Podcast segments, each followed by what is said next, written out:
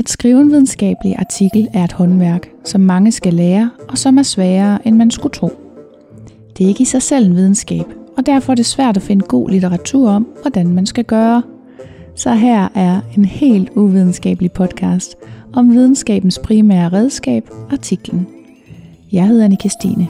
Jeg er uddannet forsker og arbejder som epidemiolog inden for kvalitet i sundhedssektoren og som postdoc ved Forskningsenheden for Almen Praksis ved Syddansk Universitet. Med mig i studiet er Pia.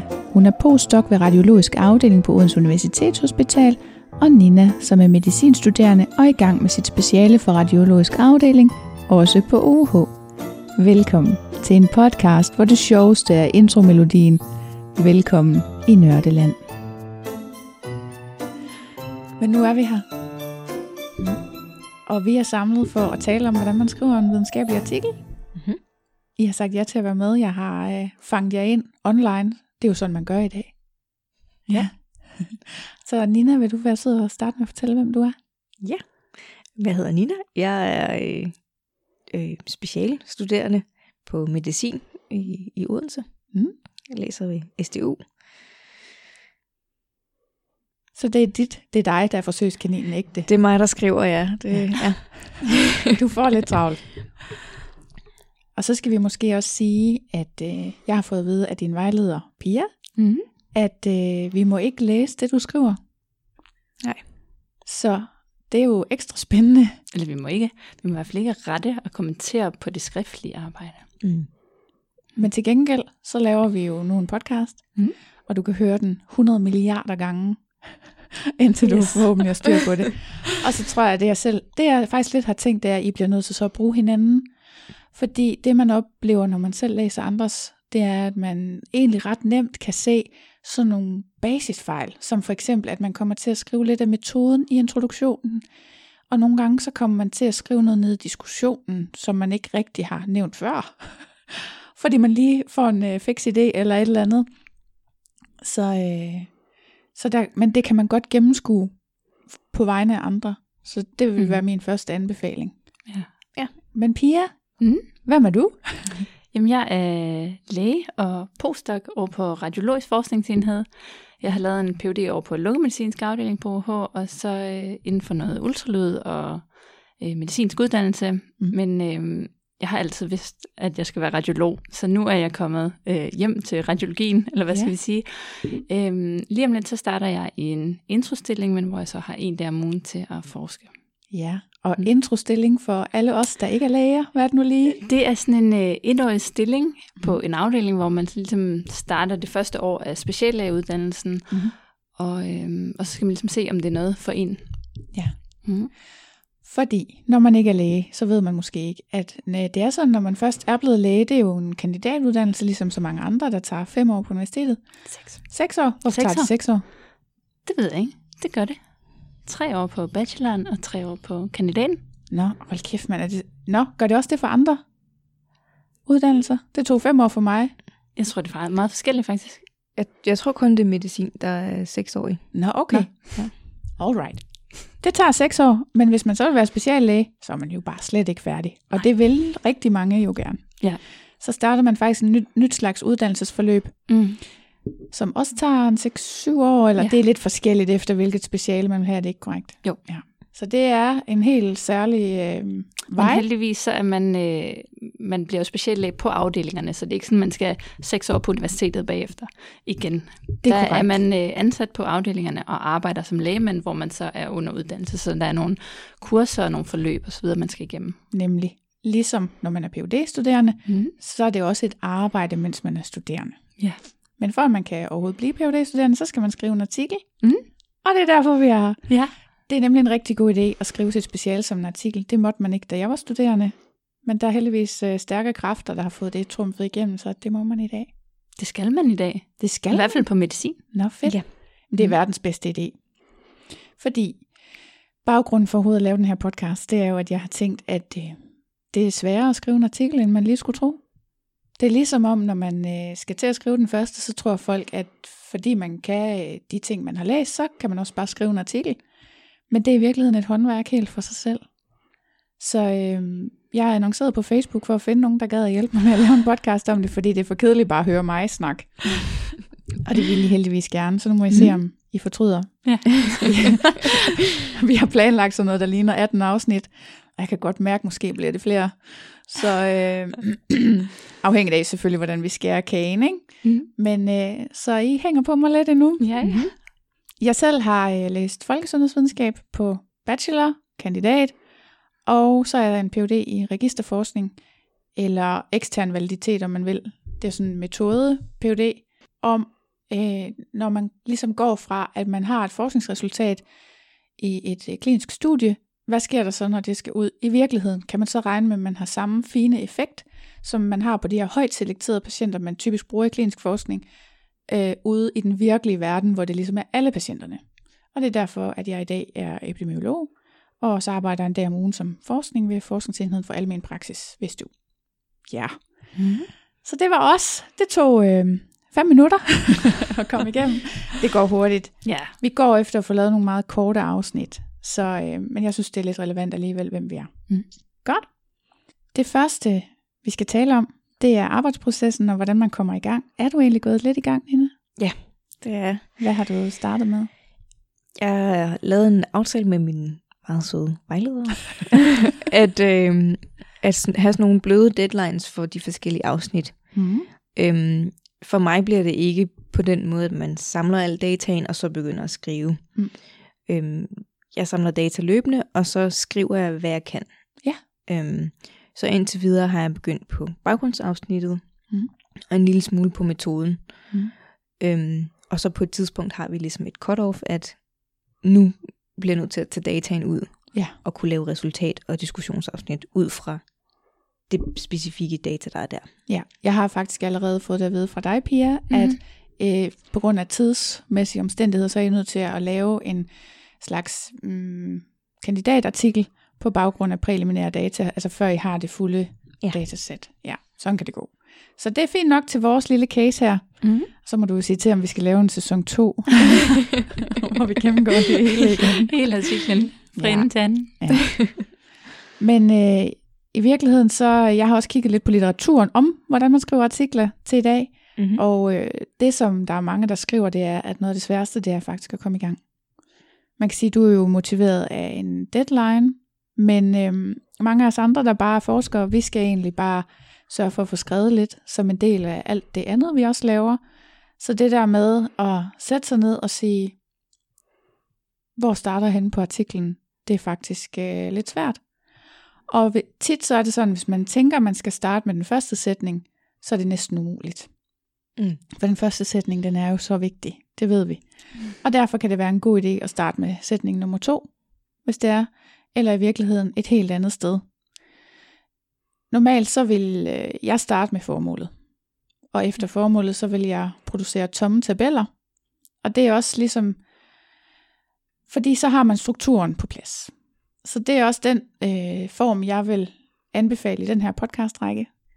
Der er andre metoder, der mm. bliver anbefalet derude. Blandt andet øh, er det noget med, at hvis man laver dikteringsteknikker, det ved jeg, at du gør, Pia, Ja. så starter man med at lave sådan en, hvad er det nu, de kalder det, en map. Sådan Mm. Manuskript mapping, ja. eller mm, hvis man skal oversætte det lidt, så en, en disposition, Mm. øh, hvor man ligesom tænker, hvordan skal den røde tråd være i mit introduktionsprogram, eller i mit introduktionsafsnit, hvordan skal den røde tråd være i diskussionen. Metode og resultat, det har man jo oftest fra protokollen, så der er man sådan rimelig øh, sikker i, hvordan rækkefølgen skal være. Mm. Og så sætter man alle de referencer ind i den her disposition, og øh, så går man en tur, eller sætter sig ud i sin bil, eller tager i sommerhus. Og så går jeg simpelthen en tur med mine øh, AirPods i ørerne, Mm. og så øh, dikterer jeg Ja. første udkastet, fordi jeg synes, det er nemmere at øh, sidde ret i noget, der er skrevet, Mm. end jeg synes, at det er at sidde og kigge på den der cursor i Word, der bare står og blinker, og man tænker, åh oh, nej, hvad skal jeg nu skrive? Den kan være meget stressende. Den kan være rigtig stressende. Og det er jo også der, vi er forskellige. Mm. Fordi jeg tror, at... Øh, altså jeg har set noget litteratur, og jeg har faktisk ikke fundet det til i dag, men det skal vi have fundet Mm. øh, undervejs i den her podcast-serie, øh, at der faktisk dokumenterer, at det der med dikteringsteknikken, det er en god teknik. Jeg tror, det kommer lidt an på, hvor vant man er til at diktere i forvejen. Mm. Fordi øh, som folkesundhedskandidat, så er det jo noget, jeg aldrig har prøvet. Så, så jeg tror faktisk, at det gør en forskel. Jeg er meget vant til at bare sidde og skrive. Så for mig er det ikke så svært, det der med, at jeg kan nemmere lægge det frem, og det her med, at om grammatikken er korrekt, og alt det, som kan være forhindringer for faktisk at skrive for rigtig mange. Mm. Og som jeg også kan se, litteraturen anbefaler, at det er det, man lader være med.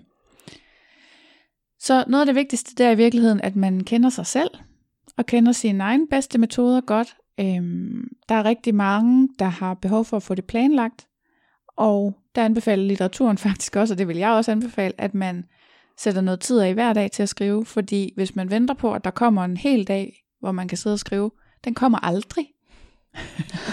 Ikke, har I prøvet det? At have en hel dag til, hvor kun at skrive? Ja. Ikke hvad jeg kan huske. Nej. Og du er bare studerende. Altså, Jeg er bare studerende. så det burde jo være Ja. dit arbejde, ikke? ja. Nej, det findes ikke. Nej, ikke det der, hvor man sidder og skriver en hel dag. Nej. Man kan måske godt have sådan teknisk set timerne til det. Ja. Men, men man skriver jo ikke i 8 Nej. timer i, i streg. Nej. Og med rigtig klinisk arbejde, som du har også indimellem, Mm. mm. Pia, Ja. så findes der ikke en dag, hvor Nej. du ikke har et møde eller en patient eller noget andet, der Nej. forstyrrer dig. Nej, præcis. Nej. Så i virkeligheden, så, øh, så er det rigtig vigtigt at få det planlagt, lægge det ind i kalenderen, og så tage det alvorligt, for det Mhm. er en alvorlig opgave. Jeg synes, det er, øh, altså det der med formidling af forskningen, det er noget, vi skylder vores patienter. De har bidraget med data, og der er nogle resultater, også selvom de ikke er det, vi havde håbet på eller ønsket. Ja. Og dem skylder vi simpelthen patienterne at få ud. Vi har en etisk forpligtelse til at gøre det. Mm. Og så skal man kende sin egen barriere. Jeg kan huske, da jeg skulle skrive PhD, der havde jeg sådan en øh, gylden sætning, der var, at man kunne ikke skrive PhD uden en Mac. og det var en glimrende, glimrende Undskyldning. undskyldning for at vente flere måneder med at gå i gang. Ikke? Ja. Altså, hvor dum kan man være? Men det er så svært nogle gange at få øh, at komme i gang. Ja. Hvad er egentlig? Har du nogen fif, Bia, til at komme i gang med at skrive? Øh, jeg hader også øh, starten. Ja. ja. Så jeg, jeg, jeg, øh, jeg starter med metode, eller starter med formålet, eller skriver lige, hvor jeg synes, okay, nu har jeg en, en, en god idé. Øhm, Mm. Jeg tror, som forsker vil, vil man måske gerne kunne sætte sig ned og så sige, nu skriver jeg introduktionsafsnittet, og så er det det, jeg gør. Ja. Men det sker jo aldrig. Nej, som det siger. det ikke. Det, det, det, det sker ikke. Og det sidste punkt, jeg gerne lige vil ind på i, i forhold til at komme i gang, det er, øh, hvilket forarbejde der er nødvendigt. Nu siger du, at øh, Nina, du siger, at, at du ikke har data klar. Normalt vil jeg sige, der er to ting, man skal have på plads, inden det sådan rigtig giver mening at skrive.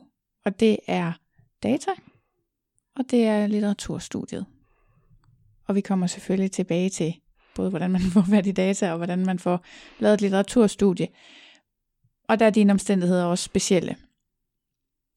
En anden ting er, at alle sådan nogle anbefalinger til, hvad man gør, de sgu også sådan lidt, det kan hurtigt lyde lidt firkantet. Man skal Mhm. ikke Ja. opfatte det her sådan alt for autistisk. Jeg sad i lørdags, fordi sådan er det. Dejligt at bruge lørdag aften på at lave forskning. Jeg sad og skrev en artikel selv, og så tænkte jeg på, at vi skulle optage i dag. og øh, jeg havde lige fået data, så jeg var klar til at fylde mine tomme tabeller ud med data. Og så kiggede jeg på, hvad jeg ellers har skrevet, fordi hvis man skal være helt grov, så vil jeg sige, start med formålet, lav nogle tomme tabeller, så du ligesom har styr på den røde tråd, få det godkendt af dine vejledere, og så fyld data ind.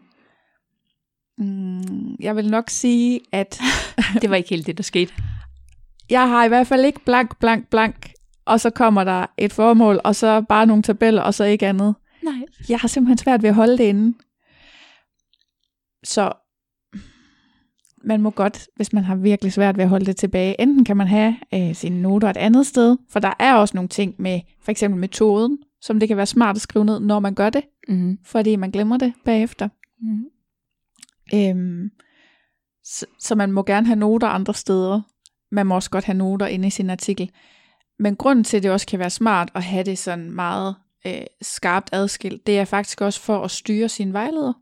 Nu ved jeg ikke, hvordan Pia hun er som vejleder, og vi behøver heller ikke få en vurdering det her. men, øh, men nogen kan godt komme til at fortabe sig i øh, nogle detaljer, for eksempel gra- øh, grammatik eller mm. andre former for detaljer omkring introduktionen, og i virkeligheden, hvis man er startet med at skrive den, og i virkeligheden, så er det vigtigste, det er jo den røde tråd, Mm. og den ligger altså i formål, tabeller og konklusion. Eller formål og resultater og konklusion. Ikke? Mm.